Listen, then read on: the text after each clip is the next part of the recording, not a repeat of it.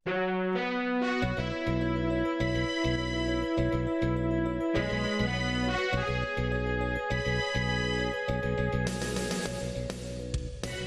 is Radio Free Asia.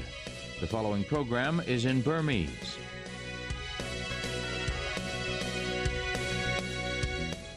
။မင်္ဂလာညချမ်းပါ RFA ပရိသတ်များခင်ဗျာ။လွတ်လပ်တဲ့အာရှတန် RFA ရဲ့2023ခုနှစ်ဇူလိုင်28ရက် တောက်ကြတဲ့ညပိုင်းစီစဉ်တွေကို American ပြည်တော်စု Washington DC မြို့တော်ကနေ စတင်ထုတ်လွှင့်နေပါပြီ။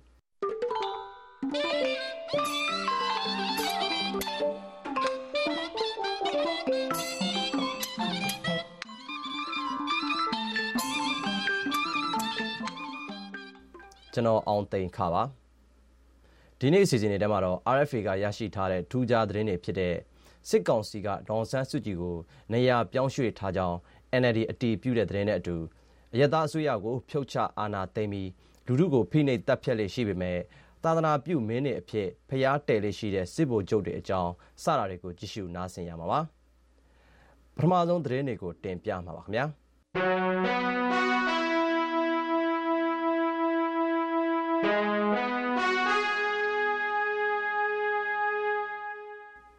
ဖမ်းဆီးခံထားရတဲ့နိုင်ငံတော်အတိုင်ပင်ခံပုဂ္ဂိုလ်ဒေါ်ဆန်းစွတ်ကြည်ကို နေပြည်တော်အကျဉ်းထောင်ထဲကနေပို့ပြီးတက်တောင့်တက်တာရှိတဲ့နိုင်ငံတော်ပိုင်နေတစ်ခုကိုပြောင်းရွှေ့ထားတယ်လို့မြို့သားဒီမိုကရေစီအဖွဲ့ချုပ် NLD ပါတီတာဝန်ရှိသူတို့ကဇူလိုင်လ28ရက်ဒီနေ့ RFA ကိုအတည်ပြုပြောဆိုပါတယ်။နေပြည်တော်အချုပ်ထောင်နဲ့နှီးဆက်သူတို့ကလည်းဒေါ်ဆန်းစွတ်ကြည်ကိုနေရာပြောင်းရွှေ့ထားတာမှန်ကန်ကြောင်း RFA ကိုဒီနေ့ထပ်မံအတည်ပြုပြောဆိုပါတယ်။ RFA ကဒီနေ့ဆက်သွယ်ခဲ့တဲ့သတင်းရင်းမြစ်နှစ်ခုလုံးကဒီရက်ပိုင်းမှာပြောင်းရွှေ့လိုက်တယ်လို့သာအတည်ပြုနိုင်ပြီးဘယ်နေ့ဘယ်ရက်ဆိုတာကိုအတိအကျမပြောနိုင်ပါဘူး။ ပြည်တွင်းပြည်ပမီဒီယာအချို့မှာတော့ဒေါန်ဆန်းစုကြည်ကိုဇူလိုင်24ရက်တနင်္လာနေ့ကတည်းကထောင်ထဲကနေနေပြည်တော်ကဒုတိယဝန်ကြီးတွေနေထိုင်တဲ့အိမ်တလုံးကိုပြောင်းရွှေ့လိုက်တယ်လို့ဖော်ပြထားပါတယ်။ဒီကိစ္စနဲ့ပတ်သက်ပြီးအတိအကျသိနိုင်မှုစစ်ကောင်စီပြောခွင့်ရဗိုလ်ချုပ်ဇော်မင်းထွန်းကို RFA ကဒီနေ့ဖုန်းခေါ်ခဲ့ပေမဲ့ဆက်သွယ်လို့မရပါဘူး။စစ်ကောင်စီကအသက်88နှစ်အရွယ်ဒေါန်ဆန်းစုကြည်ကိုအမှု19မှုအတွက်ထောင်ဒဏ်33နှစ်ချမှတ်ခံထားရပါတယ်။ အရင်စစ်အစိုးရလက်ထက်ကတည်းက ဒေါန်ဆန်းစုကြည်ဟာ ရန်ကုန်မြို့ တက္ကသိုလ်ရိပ်သာလမ်းချမ်းမှတ် 54 နေမှာ နေရင်အကျယ်ကျုံနဲ့15နှစ်ကြာ နေထိုင်ခဲ့ရပါတယ်ခင်ဗျာ။ AR တိုင်း မြောင်းမြမြို့နယ် အမျိုးသားဒီမိုကရေစီအဖွဲ့ချုပ် NLD ပါတီ ပြည်သူ့လွှတ်တော်ကိုယ်စားလှယ် ဦးဝေလင်းအောင်ဟာ ပြီးခဲ့တဲ့ ဇူလိုင်လ12ရက်နေ့က ထောင်10နှစ် ထပ်ချခံရတာကြောင့် ထောင်ဒဏ် စုစုပေါင်း18နှစ်အထိ ရှိလာတယ်လို့ မိသားစုနဲ့နှိစက်သူတွေက ဇူလိုင်28ရက် ဒီနေ့ RFA ကို ပြောပါတယ်။ ဦးဝေလင်းအောင်ဟာပြီးခဲ့တဲ့နှစ်နိုဝင်ဘာလ28ရက်နေ့ကမြဝတီခရိုင်တရားရုံးမှာအကြမ်းဖက်မှုတိုက်ဖျက်ရေးဥပဒေပုံမှန်52ကကြီး90ကကြီး90ညနိုင်ငံတော်ပုံကံမှုရသက်ကြီးဥပဒေပုံမှန်122တို့နဲ့အလုံးနဲ့ထောင်ဒဏ်26နှစ်ချမှတ်ခံထားရပါတယ်။အလားတူမြောင်းမြအကျဉ်းထောင်တွင်တရားရုံးမှာလည်းပြီးခဲ့တဲ့ဧပြီလကရသက်ကြီးဥပဒေပုံမှန်95ကကြီးနဲ့ထောင်2နှစ်ဇူလိုင်လ12ရက်နေ့ကအကြမ်းဖက်မှုတိုက်ဖြေဥပဒေပုံမှန်90ညအရနောက်ထပ်ထောင်10နှစ်ချမှတ်ခံလိုက်ရတာပါ ပြီးခဲ့တဲ့ဇွန်လထဲမှာရုံးချင်းနှစ်ခါသွားပြီးတဲ့နောက်ဇူလိုင်လထဲမှာထောင်ဒဏ်10နှစ်ထပ်ချလိုက်တယ်ဆိုတာကိုအခုမှသိရတာလို့မိသားစုနဲ့နှိစက်သူတူက RFA ကိုပြောပါတယ် NLD ပါတီရဲ့2023ခုနှစ်ဇွန်လ23ရက်နေ့ထိစီးရင်နေအရာအာဏာသိမ်းနှစ်နှစ်အတွင်းမှာဖမ်းဆီးခံရတဲ့လွှတ်တော်ကိုယ်စားလှယ်132ဦးရှိပြီးအဲ့ဒီတဲက89ဦးဟာအကျဉ်းထောင်အသီးသီးမှာဆက်လက်ဖမ်းဆီးခံထားရဆဲဖြစ်ပါတယ်ခင်ဗျာကချင်ပြည်နယ် KIA ဌာနချုပ်လိုင်ဇာနဲ့10မိုင်လောက်အကွာ မိုးမောက်မြို့နယ်မဒီရန်နဲ့အောင်ကြာရွာကြားမှာဇူလိုင်လ29ရက်နေ့ည10:00နာရီကျော်လောက်ကစစ်ကောင်စီကဂျက်တိုက်လေယာဉ်နှစ်စင်းနဲ့လာရောက်ဘုံကျဲတိုက်ခိုက်ခဲ့တယ်လို့ဒေသခံတွေကပြောပါတယ်။မရီးရန်နဲ့အောင်ကြာရွာကြားမှာကချင်လွတ်မြောက်ရေးတပ်မတော် KIA နဲ့စစ်ကောင်စီတပ်တို့တိုက်ပွဲဖြစ်ပွားပြီးတဲ့နောက်အခုလိုလာရောက်ဘုံကျဲတာလို့ KIA နဲ့နှီးစပ်တဲ့ဒေသခံတအုပ်က RFA ကိုပြောပါတယ်။ ဘုံကျဲတိုက်ခိုက်မှုတွေတွင် KIA ဘက်က ထိခိုက်သေးဆုံးတာမရှိဘူးလို့ ဒေသခံတွေက ပြောပေမဲ့ ဒီပြောဆိုချက်ပေါ် RFA အနေနဲ့တိကျအတည်မပြုနိုင်သေးပါဘူး။ဒီတိုက်ခိုက်မှုနဲ့ ပတ်သက်လို့ စစ်ကောင်စီဘက်ကလည်း တစုံတရာ သတင်းထုတ်ပြန်တာ မရှိသေးပါဘူး။ဗမော်မျိုးကနေနန်ဆန်ရွာဘက်ကို စစ်ကြောင်းထိုးလာတဲ့ စစ်ကောင်စီတပ်ကို ဇူလိုင်29ရက်နေ့ နေ့လယ်လောက်က မဒီရန်နဲ့ အောင်ကြာရွာကြားမှာ KNA က ကြားဖြတ်တိုက်ခိုက်ခဲ့ရာကနေ အချိန်9နာရီဝန်းကျင်လောက် တိုက်ပွဲပြင်းထန်ခဲ့တယ်လို့ ဒေသခံတွေက ဆိုပါတယ်။ ဒီဖြစ်စဉ်တွေနဲ့ပတ်သက်ပြီး KNA သတင်းနဲ့ပြန်ကြားရေးတာဝန်ခံ ဗိုလ်မှူးကြီးနော်ဘူးကို ဖုန်းနဲ့ ဆက်သွယ်ခဲ့ပေမဲ့ဆက်သွယ်လို့ မရသေးပါဘူး။တိုက်ပွဲတွေဖြစ်ပွားပြီး KIO ဌာနချုပ်ရှိရာ လိုင်ဇာမြို့အခြေအနေနဲ့ပတ်သက်ပြီး နောက်ပိုင်း သတင်းပေးပို့ချက်မှာ ကြားသိရပါမယ်ခင်ဗျာ။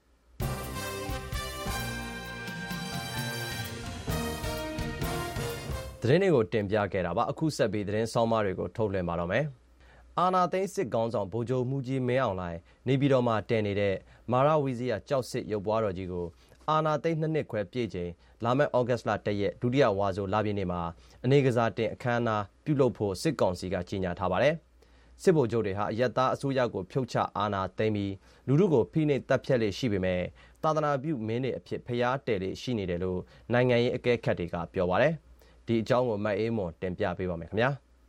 အာနာသိစစ်ကောင်းဆောင်ဗိုလ်ချုပ်မူကြီးမင်းအောင်လှိုင် နေပြည်တော်မှာတည်ထားတဲ့မာရဝီစီယာကြောက်စီရုပ်ပွားတော်ကြီးကိုအာနာသိနှစ်နှစ်ခွဲပြည့်ချိန်လာမယ့်ဩဂုတ်လတရက်ဒုတိယဝါဆိုလပြည့်နေ့မှာအနေကစားတင်ဖွင့်လှစ်ပြီးလူထုကိုဖူးမြော်ခွင့်ပေးဖို့စစ်ကောင်စီကပြင်ဆင်နေပါတယ်။ပလင်တော်အမြင့်18ပေညံတော်အမြင့်63ပေစုစုပေါင်း82ပေရှိတာကြောင့်ကမ္ဘာပေါ်မှာရှိတဲ့စကြင်ကြောက်စင်းတူတော်တွေအနက်အကြီးဆုံးနဲ့ညံတော်အမြင့်ဆုံးဖြစ်တယ်လို့ စစ်ကောင်စီသတင်းမီဒီယာတွေကဖော်ပြပါတယ်။မြန်မာနိုင်ငံမှာထေရဝါဒဗုဒ္ဓသာသနာထွန်းလင်းနေတာကမ္ဘာကိုပြသဖို့မြန်မာနိုင်ငံဟာထေရဝါဒဗုဒ္ဓဘာသာကိုးကွယ်မှုရဲ့ဗဟိုချက်ဖြစ်စေဖို့နိုင်ငံနဲ့ကမ္ဘာကြီးငြိမ်းချမ်းသာယာစေဖို့ရည်ရွယ်ချက်တွေနဲ့တည်ထားကိုးကွယ်တာလို့ဗိုလ်ချုပ်မှုကြီးမင်းအောင်လှိုင်ကပြောပါတယ်။နေပြည်တော်မြို့ကန်တူကတော့သွေးစွန်းတဲ့လက်နဲ့တဲတဲ့ဖျားကိုတွားရောက်ဖူးမြော်မှာမဟုတ်ဘူးလို့ RFA ကိုပြောပါတယ်။ ရှိရတဲသွားတဲ့ဖျားတွေချက်ပူပြီးတော့မှ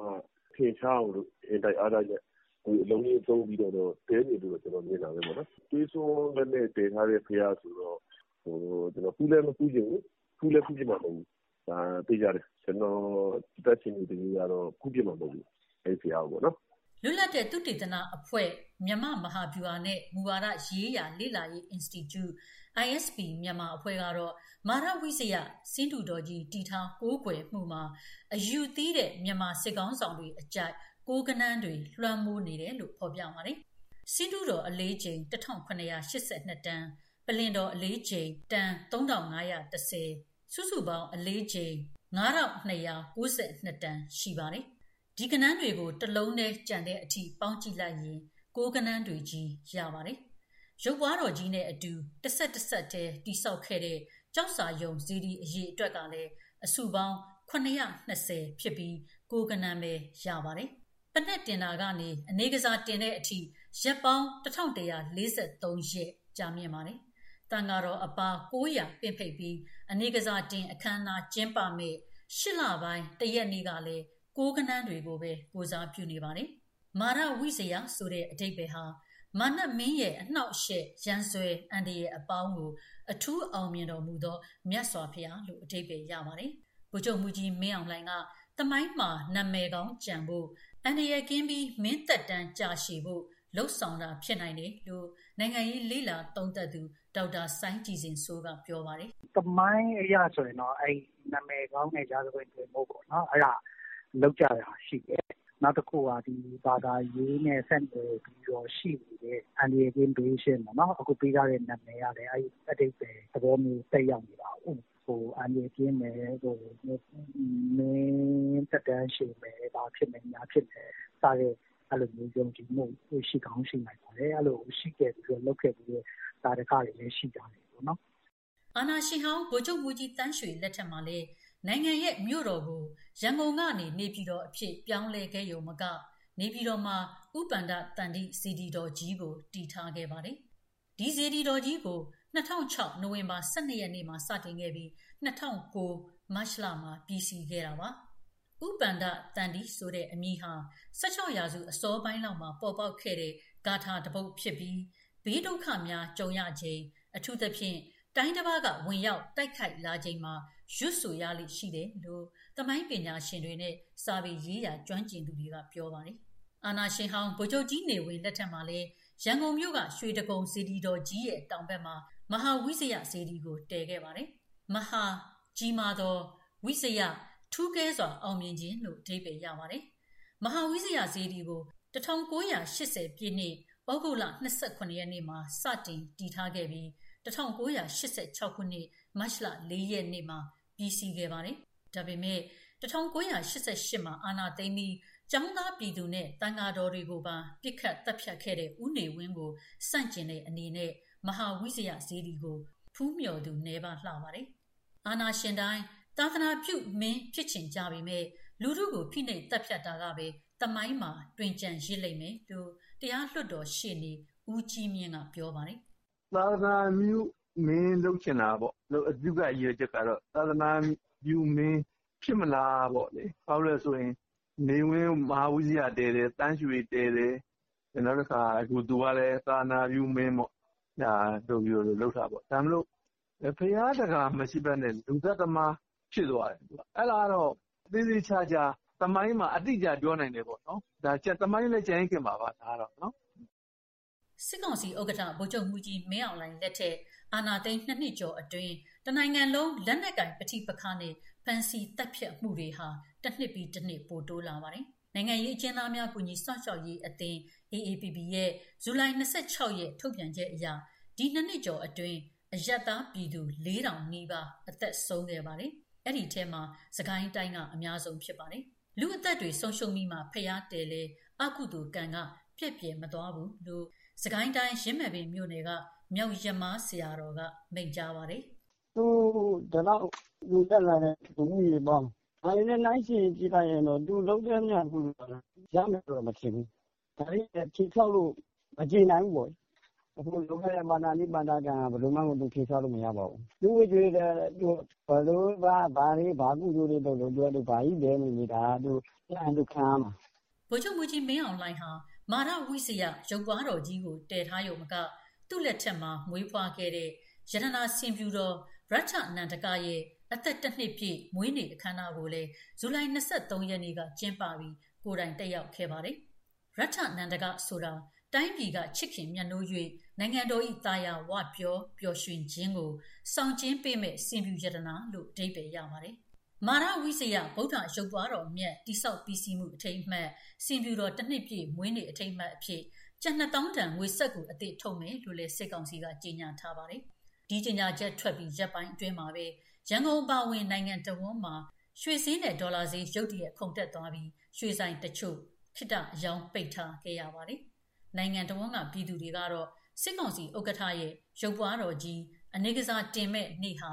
အာနာသိစစ်တပ်ရဲ့အရေးပေါ်ကာလတက်တန်းထပ်တိုးထားတာ6လပြည့်မဲ့နေ့ဖြစ်တာကြောင့်နောက်ထပ်တက်တန်းတိုးပြီး ဖိနှိပ်တက်ဖြတ်မှုတွေပိုတိုးလာမှာကိုစိုးရိမ်ပူပန်နေကြပါတယ်။ကျမအေးမော်ပါနော်ဝေနိုင်ငံအော်စလိုမြို့ကနေသတင်းပေးပို့ခဲ့တာပါ။ RFA ရဲ့ရေဒီယိုနဲ့ရုပ်သံအစီအစဉ်တွေကိုကြည့်ရှုနားဆင်နေရတာပါ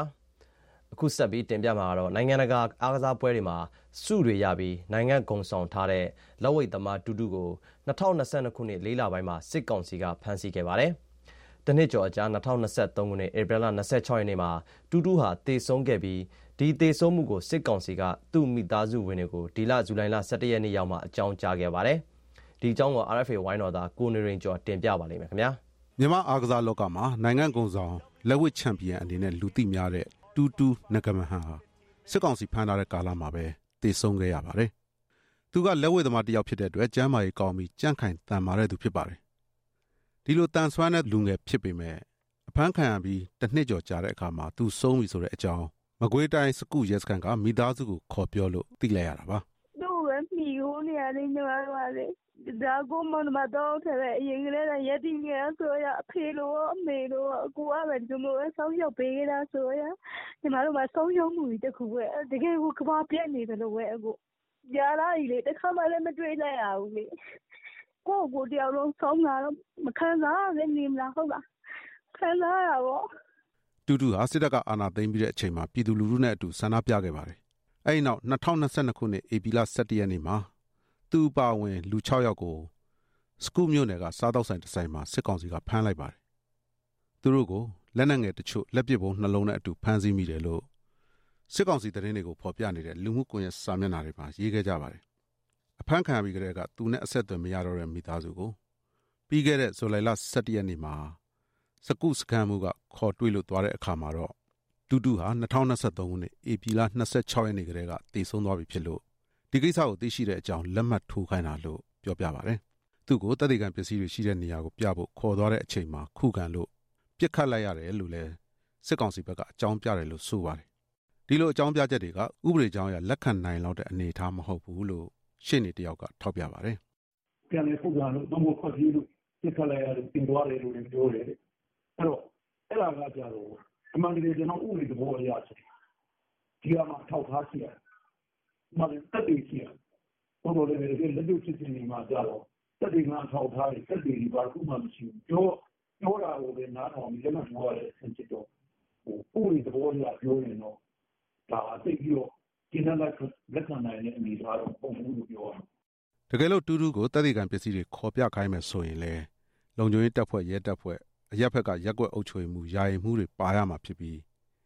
အဲ့ဒါမှတကယ်ခုခံခဲ့တာလား၊လက်နက်တွေပြန်လုပြီးခုခံလို့ပစ်ခတ်တာလားဆိုတာကိုသေသေချာချာသိရမယ်လို့ပြောပါတယ်။သူဆုံးပြီဆိုတဲ့အကြောင်းမိသားစုဝင်တွေကိုအသိပေးလက်မှတ်ရေးထိုးခိုင်းတာတွေအဲ့ဒါကိုမှတ်တမ်းဓာတ်ပုံရိုက်တာတွေကလည်းဖမ်းဆီးခဲ့တဲ့အဖွဲ့အစည်းကိုအရေးယူတာတွေဖြစ်လာမှာစိုးလို့ကြိုတင်ကာကွယ်တာလို့ပြောပြပါတယ်။အခုလိုရဲစခန်းကခေါ်ပြီးအသိပေးပေမဲ့လည်းမိသားစုကတော့တူးတူးရဲ့အလောင်းလည်းပြန်မရသလို တွေ့လည်းမတွေ့ရပါဘူး။မိသားစုကိုဆက်သွယ်တာမရလို့မကွေးမျိုးအခြေစိုက်တမ88ရဲ့ဂရင်တရာဆန့်စစ်ဆေးရုံကနေရုပ်အလောင်းတချို့ပေးလိုက်တယ်လို့စစ်တပ်နဲ့နှီးစပ်တဲ့သူတယောက်ကတဆင်ပဲမိသားစုကသိလိုက်ရပါတယ်။တူတူဟာရေနံချောင်းမြို့နယ်ဘူးကျွန်းရွာဇာတိဖြစ်ပြီးစင်ဖြူကျွန်းမကွေးမြို့တို့မှာအခြေခံပညာသင်ခဲ့ပါတယ်။သူရှစ်တန်းအရောက်မှာကရာတေးပညာကိုစတင်ရာကနေလက်ဝှေ့အားကစားလောကနဲ့အဆက်အသွယ်ရပြီးလက်ဝှေ့ကျော်ဖြစ်ခဲ့တာလို့မိသားစုနဲ့နှီးစပ်တဲ့သူတယောက်ကပြောပါတယ်။ သူ့ဆရာကိုတင်မောင်အေးလေခုနှစ်တန်းရှစ်တန်းလောက်ကတော့ ကျွန်တော်အဲ့မှာ သူခရာလေး ၃ နှစ်လောက်တင်လိုက်တယ်။၃ နှစ်လောက်တင်ပြီးတော့ သူကြောင်းတောင်း သွားထိုးတဲ့အချိန်မှာအဲ့ဆရာကိုကျော်စုနဲ့ပြည်ပြီးတော့ငငုံသူကိုခေါ်သွားတာ။တူတူကို စစ်ကောင်စီက ဖမ်းမိပေမဲ့လည်း မကွေးမြို့ ရန်ကင်းစေးစီလန်းမှာရှိတဲ့ သူ့အမရဲ့ဂရံပေါက်အိမ်ကို ချိတ်ပိတ်လိုက်ပါတယ်။ဒါကြောင့် မိသားစုဟာ တူတူကိုလည်းဆုံး ပိုင်ဆိုင်မှုလည်း ဆုံးသလို စိတ်ပိုင်းရုပ်ပိုင်း ကျမ်းမာရေးလည်း ထိခိုက်ရပါတယ်။ ဒါတွေဟာနိုင်ငံတကာရာဇဝတ်မှုတွေကျူးလွန်နေတာဖြစ်တယ်လို့မြန်မာနိုင်ငံလူခွေကွန်ရက် PHRN ရဲ့ညွှန်ကြားမှုဦးကျော်ဝင်းကပြောပါတယ်။ဒါတွေအားလုံးကတော့ဒီလူခွင့်ချိုးဖောက်မှုဆိုပေမဲ့ဒါတွေကရာဇဝနိုင်ငံတကာရာဇဝမှုတွေကိုချိုးဖောက်ဟိုရာဇဝမှုတွေဖြစ်တယ်ပေါ့နော်။တူတူဟာမိသားစုအပေါ်ရောတငယ်ချင်းမိတ်ဆွေတွေအပေါ်မှာပါကောင်းခဲ့တဲ့သူလို့သူ့မိတ်ဆွေတွေကပြောပါတယ်။သူကလိုတငယ်ချင်းလေးပေါ်မှာအမြဲတမ်းကောင်းတယ်။သူကမျက်နှာလည်းခံတော့တကယ်လူတွေပေါ်မှာလည်းအရင်ကောင်းခဲ့တယ်။သူ ဆိုရင် ကျွန်တော်တို့နဲ့ပေါင်းတဲ့ကာလမှာဟိုတငယ်ချင်းထဲမှာလို့ဒီများတငယ်တကူအောင်လည်းမခံဘူး အရင်အရင်လူမှန်တယ်။တော့မဟုတ်မခံစိတ်ရှိတယ်။တူတူဟာ2013ခုနှစ်မှာ ပြည်တွင်းရော နိုင်ငံတကာအထိပါ အောင်မြင်မှုတွေစက်တိုက်ရခဲ့တဲ့အတွက် လူသိများထင်ရှားလာတာပါ။အဲ့ဒီနှစ်က မြန်မာနိုင်ငံမှာကျင်းပတဲ့28ကြိမ်မြောက် အရှိတောင်အာရှ အားကစားပြိုင်ပွဲမှာ81ကီလိုတန်း မွေထိုင်းလက်ဝှေ့ပြိုင်ပွဲမှာ ရွှေတံဆိပ်စုရအောင်ယူခဲ့ပြီး နိုင်ငံကုန်ဆောင်ခဲ့ပါတယ်2015ခုနှစ်မှာ85ကီလိုတန်း ကမ္ဘာလက်ဝှေ့ချန်ပီယံဆုကိုစကူးနိုင်ခဲ့တယ်လို့2018ခုနှစ်မှာ WLC ရဲ့ middleweight တန်းကမ္ဘာလက်ဝှေ့ချန်ပီယံဖြစ်လာခဲ့ပါတယ်2019ခုနှစ်မှာတော့ကမ္ဘောဇလေကြောင်းအဲကမ္ဘောဇပေးတဲ့ချန်ပီယံဆုကိုစုခူးခဲ့ပါတယ်သူ့ဘဝတစ်လျှောက်မှာ66ပွဲပြိုင်ခဲ့ပြီး39ပွဲနိုင်ခဲ့ပါတယ်26ပွဲတည်ကြပြီးတပွဲပဲရှုံးနေခဲ့ပါတယ်သူသေဆုံးပြီဆိုတဲ့အချိန်မှာတော့ အသက်32နှစ်အရွယ်ပဲရှိပါသေးတယ်စစ်တပ်အာဏာသိမ်းလာတဲ့နှစ်နှစ်ခွဲအတွင်းစစ်ကြောရေးစခန်းအချုံနဲ့ထောင်တွေမှာအသက်ခံရတဲ့သူအနည်းဆုံး1284ယောက်ရှိသွားပြီလို့နိုင်ငံရေးအကျဉ်းသားများကူညီဆောင်ရွက်ရေးအသင်း AAPP ကဇူလိုင်လ1ရက်နေ့မှာထုတ်ပြန်လာပါတယ်ကျွန်တော်ကနေရင်ကျော်ပါအမေရိကန်ပြည်ထောင်စုဝါရှင်တန် DC ကနေသတင်းပေးပို့လိုက်တာပါခင်ဗျာ RFA ကဆက်လက်ထုတ်လွှင့်နေပါတယ်။ KIA ဌာနချုပ် လိုင်ဇာနီးမှာ စစ်ကောင်စီတပ်နဲ့ KIA တပ်တွေ တိုက်ပွဲဖြစ်ပွားနေတဲ့အတွက် မြစ်ကြီးနားဗမော်လမ်းကို ပိတ်ထားတာ ရက်20ကျော်လာပြီဖြစ်ပါတယ်။ဒါကြောင့် လိုင်ဇာမှာ ကုန်စည်နှုန်းကအရင်ထက်2ဆလောက် တက်သွားပြီး တချို့ကုန်တွေက ပြက်လက်တဲ့အထိ ဖြစ်လာနေတယ်လို့ ဒေသခံတွေက ပြောပါတယ်။ဒီအကြောင်းကို RFA ဝိုင်းတော်သူမတ်ဂျူလိုင်မျိုး တင်ပြထားပါတယ်ခင်ဗျာ။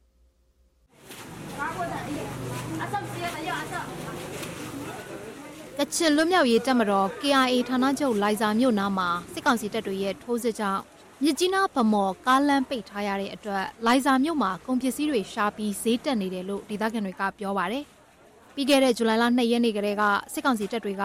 KIA ဌာနချုပ်အနီးနမ်ဆန်ရန်ကျေးရွာဘက်ကိုထိုးစစ်ဆင်နေတာဖြစ်ပါတယ်။ဒါကြောင့်ဇူလိုင်လ3ရက်နေ့ကတည်းကစပြီးတော့မြစ်ကြီးနားဗမော်လမ်းပိုင်းကိုနှစ်ဖက်တပ်တွေကပိတ်ထားလိုက်တဲ့အတွက်ကုန်စည်စည်းစိမ်မှုခတ်သွားတာပါ။ တလားလောက်ဆိုရင်စားသောက်ကုန်တွေပြတ်သွားနိုင်တယ်လို့လိုင်ဇာမြို့မှာကုံစုံဆိုင်ဖွင့်ထားတဲ့ဒေါ်စန်းမာဝင်းကပြောပါတယ်။အမေလေးအနေနဲ့ခြုံပြောမယ်ဆိုရင်လည်းနောက်ထပ်ရက်နှစ်ပတ်စာလောက်ပဲရှိတယ်။တလားစာတော့မရှိတော့ဘူး။ကျွန်တော်အမြင်ပေါ့နော်။တရုတ်ကဝင်တဲ့ပစ္စည်းနဲ့ဟကျွန်တော်တို့ဒီလိုက်စားတုံးတဲ့လူတွေ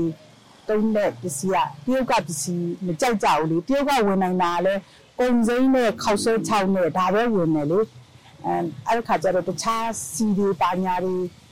လိုရလေနော်ဆန်တွေလည်းလိုတယ်လေနော်ဒီမှာလည်းလူဦးရေကတော်တော်များတာကြီးဗမော်လွယ်ကျဲမိုင်းကြရန်လိုက်စာဘက်လန်ကနေတည်ရင်လဲလမ်းမကောင်းသလိုခရီးလဲဝေးတဲ့အတွက်တည်ယူစရိတ်ကအရင်ကထက်နှစ်ဆပိုပြီးဈေးကြီးသွားတယ်လို့ဆိုပါတယ်။မြစ်ကြီးနားလိုက်စာလမ်းကဆိုရင်ကားတစ်စီးစာကို9သိန်းနဲ့တည်လို့ရပြီမဲ့ဗမော်ဘက်ကတည်ရင်တော့10သိန်းအထိပေးရတယ်လို့ပြောပါတယ်။ အသက်82နှစ်ရှိပြီဖြစ်ပြီးတော့လိုက်စာမြို့ကိုရောက်နေတဲ့စစ်ဘေးဒုက္ခတဲ့ဒေါ်ချာယော်ကလည်းနေတိုင်းကုန်စည်နှုန်းတွေတက်လာတော့စိတ်ပူတယ်လို့ပြောပါတယ်။ကျမတို့ကစစ်ဘေးဒုက္ခသည်တွေဆိုတော့ဟင်းသီးဟင်းရွက်လည်းမဆိုင်နိုင်တော့ဈေးမှာပဲသွားဝယ်စားရတာနေ့စဉ်နေ့တိုင်းစီစားတွေကအစားဈေးတက်လာတော့စိတ်ညစ်လာတယ်မြကြီးနားဗမော်လမ်းမပေါက်ရင်ကုန်ပစ္စည်းကလည်းဘယ်ကားမှမရောက်တော့ဘူးရှိတဲ့ပစ္စည်းတွေကလည်းတရက်ပြီးတရက်ဈေးနှုန်းကတက်တက်သွားတယ် နှစ်လသုံးလလောက်လမ်းပိတ်တာကြာသွားရင်တော့ဘယ်လိုလုပ်ပြီးအသက်ရှင်ရမလဲဆိုတာကိုတွေးပြီးစိတ်ပူနေတယ်ကုန်ပစ္စည်းတွေဈေးတက်တဲ့အပြင်စေဝါတွေလည်းပြက်လာပြီလို့သူကပြောပါတယ်။တိုက်ပွဲကြောင့်လမ်းပိတ်ထားရတာကြာနိုင်တဲ့အတွက်လိုက်စာမြို့မှာကုန်ပစ္စည်းပြက်လက်တာတွေရှိလာနိုင်တယ်လို့လည်း KIA ပြန်ကြားရေးတာဝန်ခံဗိုလ်မှူးကြီးနော်ဘူကပြောပါတယ်။ကျင်းဗမောကာလန်ပိတ်တာတော့အခုလည်းဆက်ပြီးတော့ကြောင်းမယ်လို့ကျွန်တော်ထင်ပါတယ်။ဒါကြောင့်ကုန်စည်နှုန်းတွေတက်တာတွေ